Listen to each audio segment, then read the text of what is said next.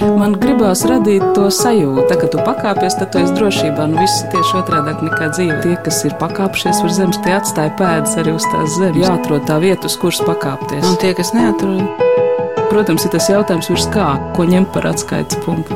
augstāk par zemi. Augstāk par zemi. Augstāk par zemi.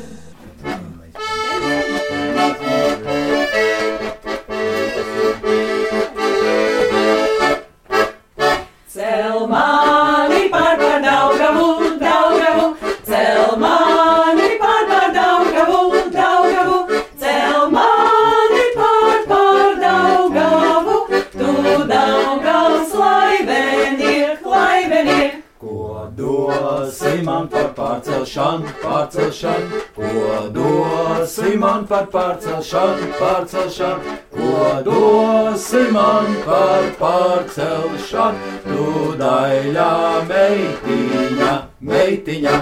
Es zinu skaistu dziesmiņu, dziesmiņu, es zinu skaistu dziesmiņu, dziesmiņu, es zinu skaistu dziesmiņu, to braucot dziedāšu, dziedāšu. Par māstalga meitiņa, meitiņa, par māstalga meitiņa, meitiņa. Esiet sveicināti! Šogad Startautiskā folkloras festivāla Baltika skatē folkloras kopa graudi no Tomes tika novērtēti ar augstāko pirmo kategoriju. Viņi bija sagatavojuši programmu ar Daugavas plosnieku dziesmām. Graudu izpētītā iedzīvinātā tēma šobrīd ir aktuāla. Droši vien jau būsiet dzirdējuši, ka gaujas plosniecības interesanti apvienojušies biedrībā jau panākuši, ka gaujas plosnieku prasmes kopš 2018. gada iekļauts Latvijas nemateriālā kultūras mantojuma sarakstā. 2021. gada pavasarī iesniegts pieteikums, nu jau valstiskā līmenī, lai gaujas plosnieku kopā ar vēl piecu citu valstu - Austrijas, Čehijas, Polijas, Spānijas un Vācijas plosniecības tradīcijām tiktu iekļauts UNESCO cilvēces nemateriālā kultūras mantojuma reprezentatīvajā sarakstā.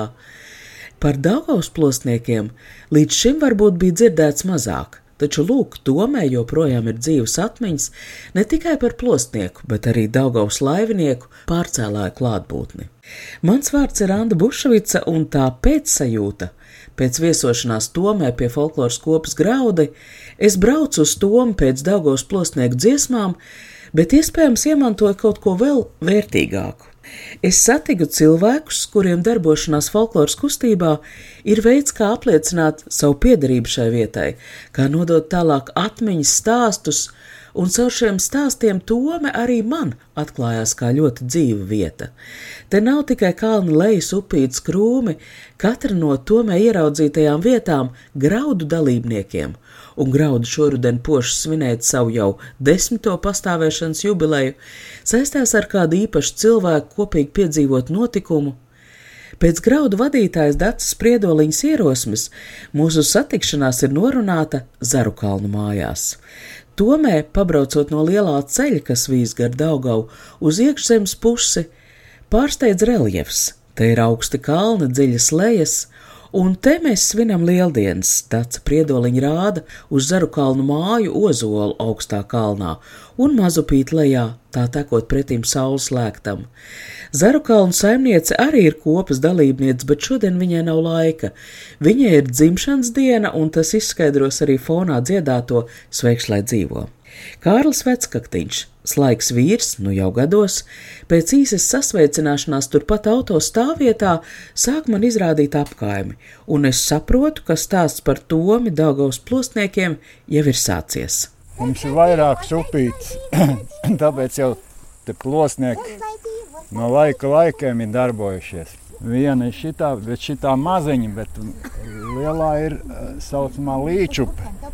Iztek no arī no mežiem, tur savā laikā tur tādas meža ielokā pļavas bija, tad Latvijas valstī izveidoja pirmo zivju audzētāju, Tomas zivju audzētāju pirmā. Pat prezidents Ulmans bija braucis pa vasarām, tur viņam tik ļoti bija paticies. Un, un tā līčupa arī saistībā ar to plosnieku būšanu. Bija tā, ka no mežiem vietējie zemnieki ziemā pārsvarā tas notikās ar zirdziņiem saveda milzīgas baļķu grēdas. Gandrīz tas iznāk pašā Tomas centrā, netālu no Tomas tautsnam. Tomas tautsnamam garām tek tieši tā līčupa un ietek Daugavā. Man tēvs savā laikā parādīja to vietu. Tur ir tā, ka ir slīpais krasts, un augšā tur bija tās krautnes. Un tāpēc to slīpo krastu viņi bija ripinājuši tos baļķus lejā tieši līčupē, un tur tika siet un taisīt plosti. Kārļa tēvs īsi pirms otrā pasaules kara esot bijis krautūs pārvaldnieks. Viņa pienākums bijis uzskaitīt savestos kokus. Bet jūs pats ar to redzējāt?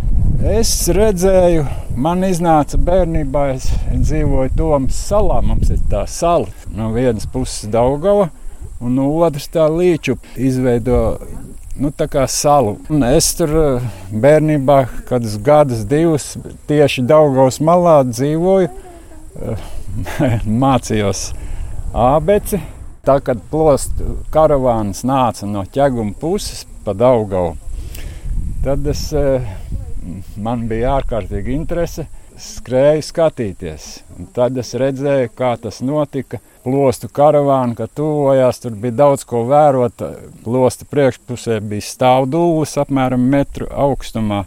Un tā bija liels airis, vadairis, pie kura kā kuru reizi, citreiz viens dušīgs vīrs, citreiz pat divi tā viņi stāvēja un stūrēja to plostu visiem šķēršļiem garam.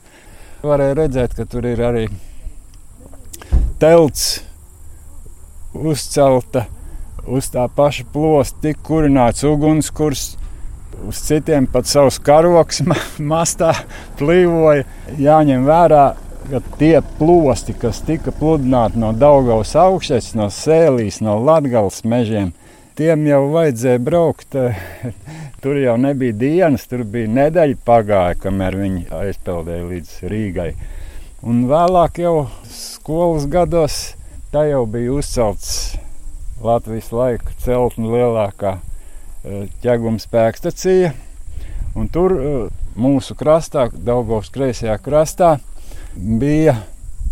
Tagad viņš ir pazudis, pievērts, jo tur uzcēla jauno Hesse būvi šī krastā. Bet tur manos skolas gados man vēl trāpījās vairākas reizes. Es ar lielu interesi novēroju, kā tiek plosti vadīti cauri tam slūžu kanālam.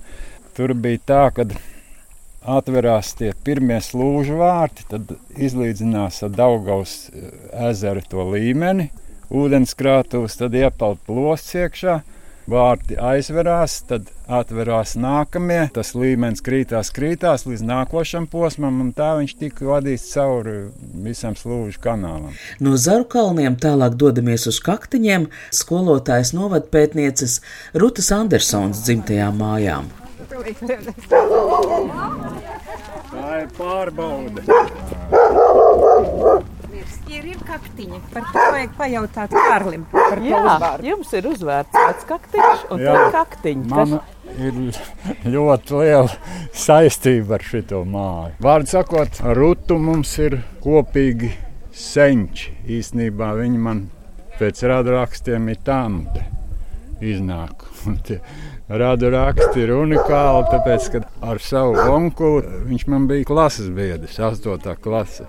Un eksāmenē es viņam vēl spīķeru ģeometrijā iet. Manam senču sencim viņš ir iznācis no kaut kur no vecumnieku puses. Šī tomē cauri mežiem, te viņam iepatīsies. Un, uh, viņam ir bijušas divas sievas. No vienas sievas viens atzars, un mans vecais tēvs ir nācis, un no otras puses Rūtas mamma no otras sievas. Un mēs šobrīd esam Rūtas uh, Andersons mājās. Pēdējais, jā, jā. mājās. Tātad mēs visi šodien esam kaktiņos. Kaktiņa ir Rutas Andersons dzimtā māja jau trešajā paudzē. Kaktiņu māju cēla viņas vecais tēvs pēc Pirmā pasaules kara. Ruta Andersone ne visu mūžu dzīvoja kaktiņos, ir sanācis dzīvot arī Lielvārdē ķegumā, tas dēļ darbiņa. Viņa bija skolotāja, nu, tajos laikos arī pionieru vadītāja, sirdī novadpētniece. Tāpēc arī radušās četras grāmatas Viņai tiešām patika uzklausīt cilvēkus, vākt dažādas vēsturiskas liecības, un tad tas sakrājās tik daudz, ka nu, jāapkopo vienā grāmatā un jādod cilvēkiem, lai viņi arī to var lasīt. Te Tomas novada vēsture, pēc tam ir ķeguma apvidus vēsture. Tad viņa tika aicināta arī sarakstīt ķeguma hidroelektrostacijas vēsturi. Un pati jaunākā ir laiki un cilvēku likteņi. Par cilvēkiem Tomas pagastā. Novedpētniece grāmatu autore Ruta Andersone nu jau divus gadus kopš nav mūsu vidū. Mūsu kaktiņos uzņem viņas meita Dace Skrīvele, vīrs Aldis Andersons. Šī ir viesmīlīga māja. Nojuma ar lielo saimnes galdu, izskatās celta plaša, jau apzinoties, ka tai būs jāuzņem liels ļaužu grupas. Graudu dalībnieku vidū ir vismaz divas Rutas Andersons skolnieces - Iveta Zemniece un Anita Alksne. Ruta Andersona strādāja Tomas skolā, tad ķegumā. Ruta bija arī muzeja vadītāja, ķeguma skolas muzeja vadītāja, un tad, kad viņa jau pensijas vecumā pārcēlās pavisam uz šejieni dzīvot 2000. gadā, izveidoja šeit uh, savu muzeju. Viņa nebija ar mieru tā kā tur akreditēties vai kā, bet viņai apmeklētāji bija nepārtraukti, pat te kāzas svinētas. Viņai tur uh, saglabāts vēsturiskas lietas. Ah. Arī šobrīd tur ir viena telpa ar, uh, gan ar materiāliem par grāmatām, un savukārt uz bērniņiem ir tās senlaicīgās lietas. Muzejs vesels. Jā, Kas tik tur nav? Vecie skolas soli. Jo Rūta tiešām viņa kā skolotāja bija tik brīnišķīga, jo nu, es arī Tomas skoliņu esmu beigusi. Mums žēl šodien nav mūsu ginta, kas ir ķeguma Heisa muzeja vadītāja. Un Ginta, tā kā mēs rudenī ciemojamies, tad viņa tieši atcerējās, ka pateicoties Rūtai, viņa izvēlējās mācīties un kļūt pati par vēsturnieci. Ruta tiešām bija tāds cilvēks, kas prata iedvesmot. Un, Un es atceros, kad viņa, kā mums bija kāda atsteigta, viņa bija pionieru vadītāja, bet viņai ļoti, ļoti patika. Viņa bija tik dzīves, gudra, sirdsgudra, ka viņa arī tajos laikos, mēs mācījāmies padomu laikos, Tomas skolā. Viņa mācīja mums bērnus ieinteresēt. Viņa rīkoja pārgājienus, mēs gājām uz mežiem. Viņai tāda bagāta valoda bija. Viņa stāstīja, kā te bija meža brāļi, kā te bija bunkuri un papildus. Viņa mācīja ievīt arī to senāko vēsturi. Kad mēs gājām skolās, tad bija tie pārgājiena ar ugunskura kurināšanu un skābeņu zupas vārīšanu, un papildus tam varēja tur ietīt fiziskās aktivitātes, ielikt un dažādas tādas lietas. Tā kā, to mēs domājam, ļoti bagāti ar to, ka mums bija ruta, kura prata mūs aizraut. Jūs tikai par to mums ķepuma arī viņa bija. Kā, ja mē, es ceturtajā pārgāju jauno skolu, tad es kā arī tur laikam tā vairāk atceros, kura tā bija klase, kad es no mammas atceros vecu avīzi nozagu. Un aiznesu uz to muzeju, es teicu, glabājiet, tas bija kaut kā 36. gads. Un teicu, tik vecu. Es saku, vai tas jūsu muzejā? Pie Rutas Andersonas sarakstītajām grāmatām šai redzījumā vēl atgriezīsimies. Tajās fiksēti plosnieku Dauga vai dotie vietvārdi, pierakstīti Daugavas plosnieku stāsti, bet kā graudiem tapa pati ideja, ka jāceļ gaismā tieši Daugavas plosnieku dziesmas. Daci Priedoliņa mudina stāstīt līgu skuiņu. Viņa ir tā, kas dziesmām piespēlē akordeonu, ja vajag arī kādu citu mūzikas instrumentu. Jāatcerās, ka gatavošanās Baltikai notika pandēmijas iezīmētā laikā. Festivāla organizātora dotā tēma šogad bija spēle. Nu jā, un kā mēs līdz tiem plosniekiem nonācām, es zinu, ka viens bija nu, pa ozoliem. Nu, tā kā mums ir ulmaņa ozols, nu, tad zinu, kaut kas bija pa ozoliem arī. Ai, nu nē, nē, ozole, nē, nu, un tad Kārlis ieslēdzās. Atvērās vēstures grāmata. Sākumā tā tēma bija diezgan man liekas, biedējoša, jo tas bija kaut kas tāds, kur mums vispār nekā nebija. Kā tikai fakts, ka, ka šeit pa Daugavu kaut kas tāds ir noticis, nu, ko tad mēs tur pievilksim tagad? Ka, kas būs tāds dziesmas, ko mēs dziedāsim, bet nu maz pamazām. Tad divatai bija, o, atceros tur, tu pēc tam noteikti pastāstīs, jā, kāds tur onkulīts to dziesmu vienmēr taki dziedājis un tā. Un, Nu, tā viņš lēnām salasījās, tas repertuārs, un Dārsa izraka visus pieejamos materiālus, kas ir digitalizēti. Un paldies cilvēkiem, kas to ir izdarījuši, ka tu vari neizejot no mājas, tu vari piekļūt tādām teicēju dziesmām un noklausīties viņus un pierakstīt. Un, nu, tā mēs viņu lēnām salasījām, un tā mums tā spēle sanāca. Tāda spēle ar savu pagasta vēsturi, ar, ar tādām mūsu pagasta, pagasta tiešām lietām, kas šeit reāli ir notikušas. Jā, un tad, kad tā ideja bija skaidra, tad tas izpētes process, nu, tas bija diezgan uh, garš un ļoti interesants.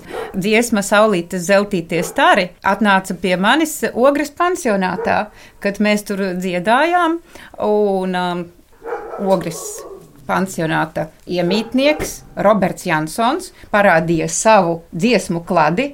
Es šo dziesmu ieraudzīju, nokopēju, un tā iekļāvās ļoti labi iekļāvās šajā programmā.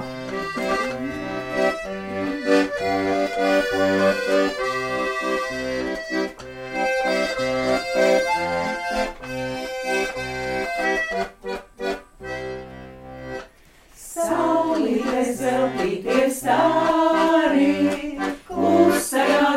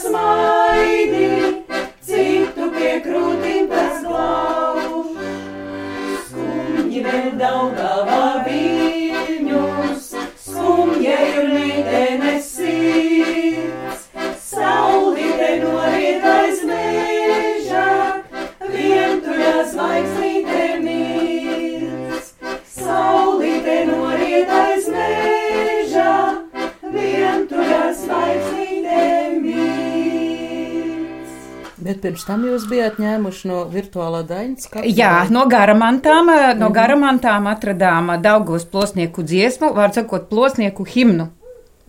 Teicēja Anna Siliņa bija ierakstīts eh, no folkloras ekspedīcijas Madonas un aizkraukles rajonā 70. gadā. Tā bija dziesma, kur parādījās tādi vārdi īpaši plosniecībai piederīgi kā malacis, bija slīperplosti. Jā, un trešā dziesma radās mūsu uh, pašu uh, kopas uh, dalībnieku vidū uh, no atmiņām, to, ko Iveta teica, dziedājuši viņas bērnības mājās. Kas tā- bijušie kas tā būs laivinieki. Tā ir tāda dziesma, kas nāk tā kā. Šoreiz, laikam, mazāk pat ir tas vēsturiskais, kur un kā viņa radusies, bet tā kā es arī esmu šeit pat dzimusi, tālajā 68. ārprāt, cik sen jau. Un tad no 70. kad jau tās apzinātās atmiņas ir, tad es arī atcerējos, ka mūsu mājās nāca Daugavas laivinieki. Rīgas Hesne bija uzcelts un tie onkuļi bija, bija ļoti attraktīvi. Viena daļa bija gājuši arī vēl, vēl brīvības cīņās, un tad bija arī katram savi stāsti. Ar katram, protams, savas iesaukas, jo tur pie mums ir eh, bekuciem pusē ir vecie ķieģeļu cepļi, kaļķu cepļi. Tur arī tāds seklāks, tāds šaurāks tas Daugavas līgums iet, un tad tur bija viņiem laivu piestātni. Un tad bija tāds gāra auguma, līdzīgs Kārlim, kuram iesaukt bija Varžu Mārtiņš. Tas vienādiņi tur bija arī uz to dziedāšanu un uz jautrību. Un otrs onkulis, kas vienmēr mūsu mājās ciemojās uz pirtiņu, tas bija gudiņa onkulis. Un te viņi vienmēr, kad ē pirtiņā bija izsiluši, te nāca uz māju atpūsties pirms māju ceļa atpakaļ. Un te viņi vienādīgi teica, nu tagad uzdziedam to, to Daugavas laivinieku dziesmu, un tā dziesma bija cēl mani pār par Daugavu. Un tad mēs tāpēc pēc tām atmiņām pierakstījām, un beigās jau tā, kad mēs arī tagad Baltikā dziedājām, izrādījās jau, ka, ka tā dziesma ir tāda dzīva, un mums bija līdziedātāji, jo viņa arī tā, tā, tā melodija, tas meldiņš ir tāds lipīgs, un viņa ir no tādām jastrām dziesmām. Tāda jastrāka un ar tādu savu rozīdīti, ar tādu flirtu, un tur ir tieši parādās tā spēle, kas bija viena no Baltikas tēmām. Manu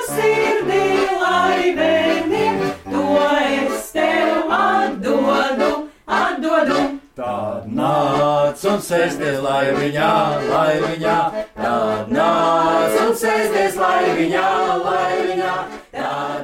Daugavas laiviniekas ziņģēs pieminēt vairāk kārt. Turpina iztaujāt Ivetu zemnieci, viņa palīdz saprast, ko ielāgojas no mācas stāstiem, kā tad notikusi pārvietošanās šajā apvidū. Bertolds Mūžs sanāk pretī mēģināt savu. Un uh, garām Berkaus mūžai tek no, no dziļiem mežiem kalsupīte. Jā, Un tur arī gāja tā ir robeža upe, gar kuru gāja tas vecais dzelzceļš, jo kādreiz jau šis, tas mūsējais apvidus, viņš bija Ikšķils novadā. Ikšķils apriņķī vai, vai kā viņš tur pareizi apriņķis laikam bija, jā. Man vēl mamma atcerās, ka viņi te, te sāka dzīvot, kad, kad tā runāja, kad Ikšķilē bija jātiek visus dokumentus, visu kārtot, tāpēc bija ļoti labi, ka bija tie Daugos laivinieki un ka varēja pāri tikt un visas lietas nokārtot. Himna. Cik jauki ir uz viņiem braukt plašā daugavā, uz slīperplostiem viegliem ir tumšā nakts. Slīpers ir apdarināts baļķis. Ja to zina, tad arī dziesmā pieminētā vārda slīperplosts nozīme ir skaidra. Taču visvairāk izzinot Daugaus plosnieku terminoloģiju, graudu sievas iejūsminājusi atskārta, ka potenciāli jebkur no viņām varētu būt vārna, skaidro Kārlis Vecaktiņš. Par tiem termiņiem atšķirībā no, no jūrniekiem, kuriem bija ticība tāda, ka uz kuģa nevar sievieti ņemt. Tad plosniekiem bija savādāk. Varēja salikt tā saucamo vārnu no meitiešiem. Nu, tādu stipru meitieti, gan jau ne jau kaut kādu sīkaļu, kura palīdzēja visā tajā garajā plosnieku ceļā, kura palīdzēja gan ar ēst gatavošanu, gan arī stājās pie aira, ja tas bija vajadzīgs un nepieciešams cauri lielākiem šķēršļiem. Es to arī redzēju pats savām acīm, kad uz tā plosta, kurās ugunskurs, katls kaut kas vārījās. Tā tad arī tur toreiz vārns brauc līdzi. Nu, un to, kas stāvēja priekšgalā pie lielā aira, to sauc par malaci. Tas, kas bija aizmugurē, plostu karavānai, to sauc par korņiku. Nu, tādi tie trīs galvenie termini, kas uz plosta bija.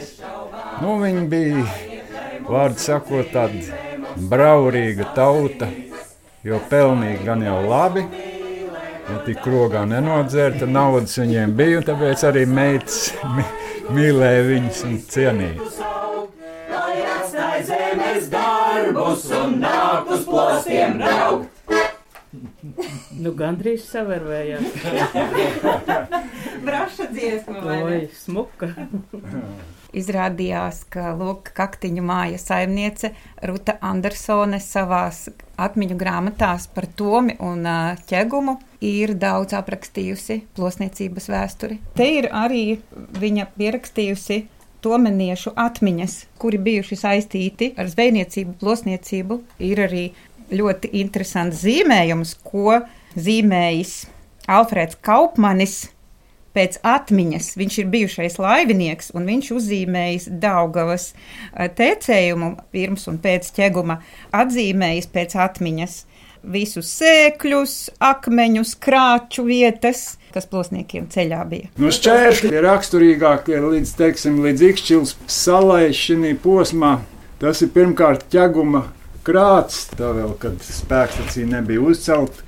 Bija ķeguma krāces, kuru vidū bija iesaukts gan krievisks nosaukums, liels akmens saucās Rasboņiks. Bet parādās, ka viņam bija arī latviskais nosaukums - akmens denīte. Vispār jāsaka, ka tieši tās ķeguma krāces arī ir devusi kā vietai nosaukumam ķegums. Tanīs laikos, kad sāka veidoties Rīga, Hanzas pilsēta, tad ā, no Daugavas, no Krievijas nāca lielaivas uz Rīgas ostu. Atpakaļ viņas vilka strūdznieki. Un tad, ejot gar šīm krācēm, gar krastu, strūdznieki gāja virvēs, tavās vilka šīs tukšās lielaivas. Bija saucieni, krievu mēlē saucās ķagom, ķagom. Un tieši no šī vārda arī ir vietējais nosaukums ķegums cēlies. Man pārsteidz, ka Daugaus šķēršļiem nosaukumu dot krieviski. Kārlis Vecaktiņš skaidro, ka Daugau jau kopš seniem laikiem esot bijis tirdzniecības ceļš ar Krieviju, un tāpēc arī Krievu valodas klātbūtne. Tūliņ pēc Rasboņika Daugau bija tāda zālēm aizaugus, saucās arī krieviskais nosaukums, saucās baņas sēklis. Viņš bija sekls, eh, tāpēc plostus centās, kad ir augstākos līmenis Daugavā, vai nu pavasaros, vai arī rudeņos, Nu, tad baņas sēklas tālāk bija Tomas bedre. Acīm redzot, tāda vieta, kur kaut kāda iegrima bija Daugavā. Tad tālāk bija badarāks, tad ir bērkaus sēklis, kaut kas līdzīgs baņas sēklim. Tad bija eh, plosnieku valodā kaķa pauti, kuri nevienu vien plosu saplēs. Nu, ja tika tiem garam, tad vēl bija ikšķilas sala, tā viltīgā. Tur arī vajadzēja zināt, gar kuru pusi braukt, kur plostu vadīt, kā attiecībā no ūdens dziļuma. Nu, Tādi bija gandrīz katrā kilometrā šādi šķēršļi, dažni dažādi. Varbūt bija arī mierīgāk posmi, bet nu, arī pie Dolas salas to es uzzināju īstenībā.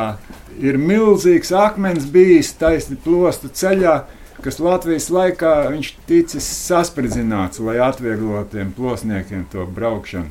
Visus nevar uzskaitīt. Ja kāds grib interesēties, tad ir arī Marnītas grāmata Mūsu Baltā Daugava Viņš ir Ikšķils mācītāja dēls, tas bija būdams Baltvācietis.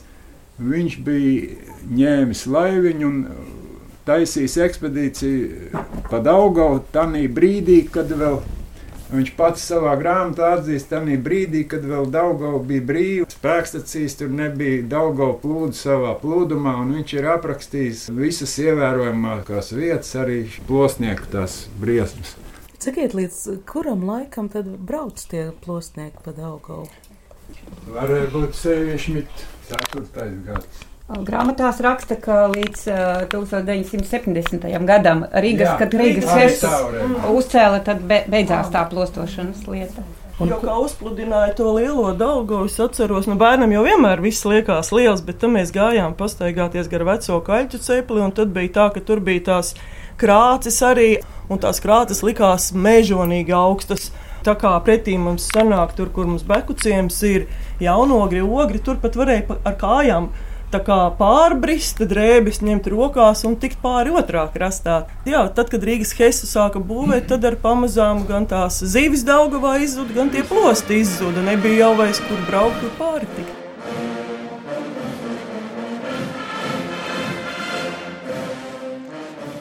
Šī gada starptautiskā folkloras festivāla Baltika skate notika neklātienē.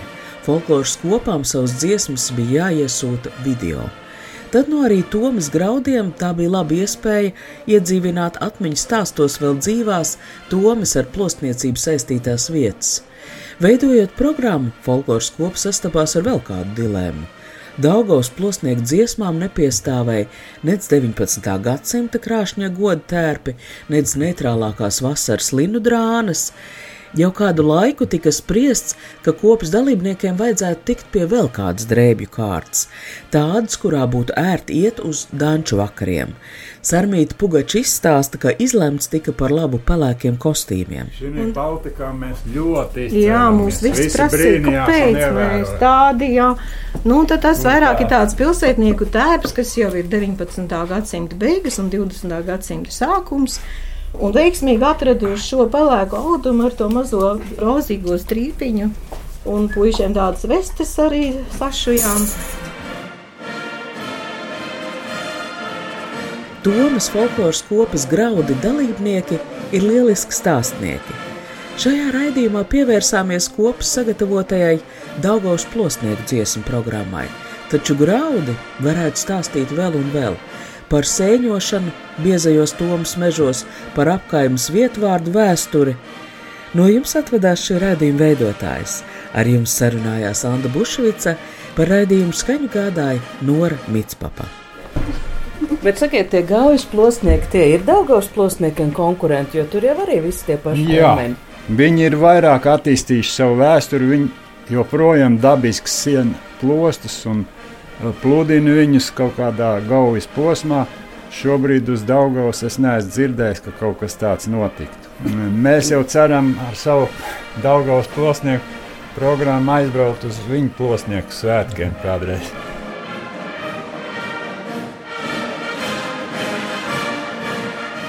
Man gribās radīt to sajūtu, ka tu pakāpies, tad tu esi drošībā. Nu, viss ir tieši otrādi nekā dzīve. Tie, kas ir pakāpšies uz zemes, tie atstāja pēdas arī uz tās zemes. Jāatrod tā vieta, uz kuras pakāpties. Un tie, kas neatrod, Protams, ir tas jautājums, virs kā, ko ņemt par atskaites punktu.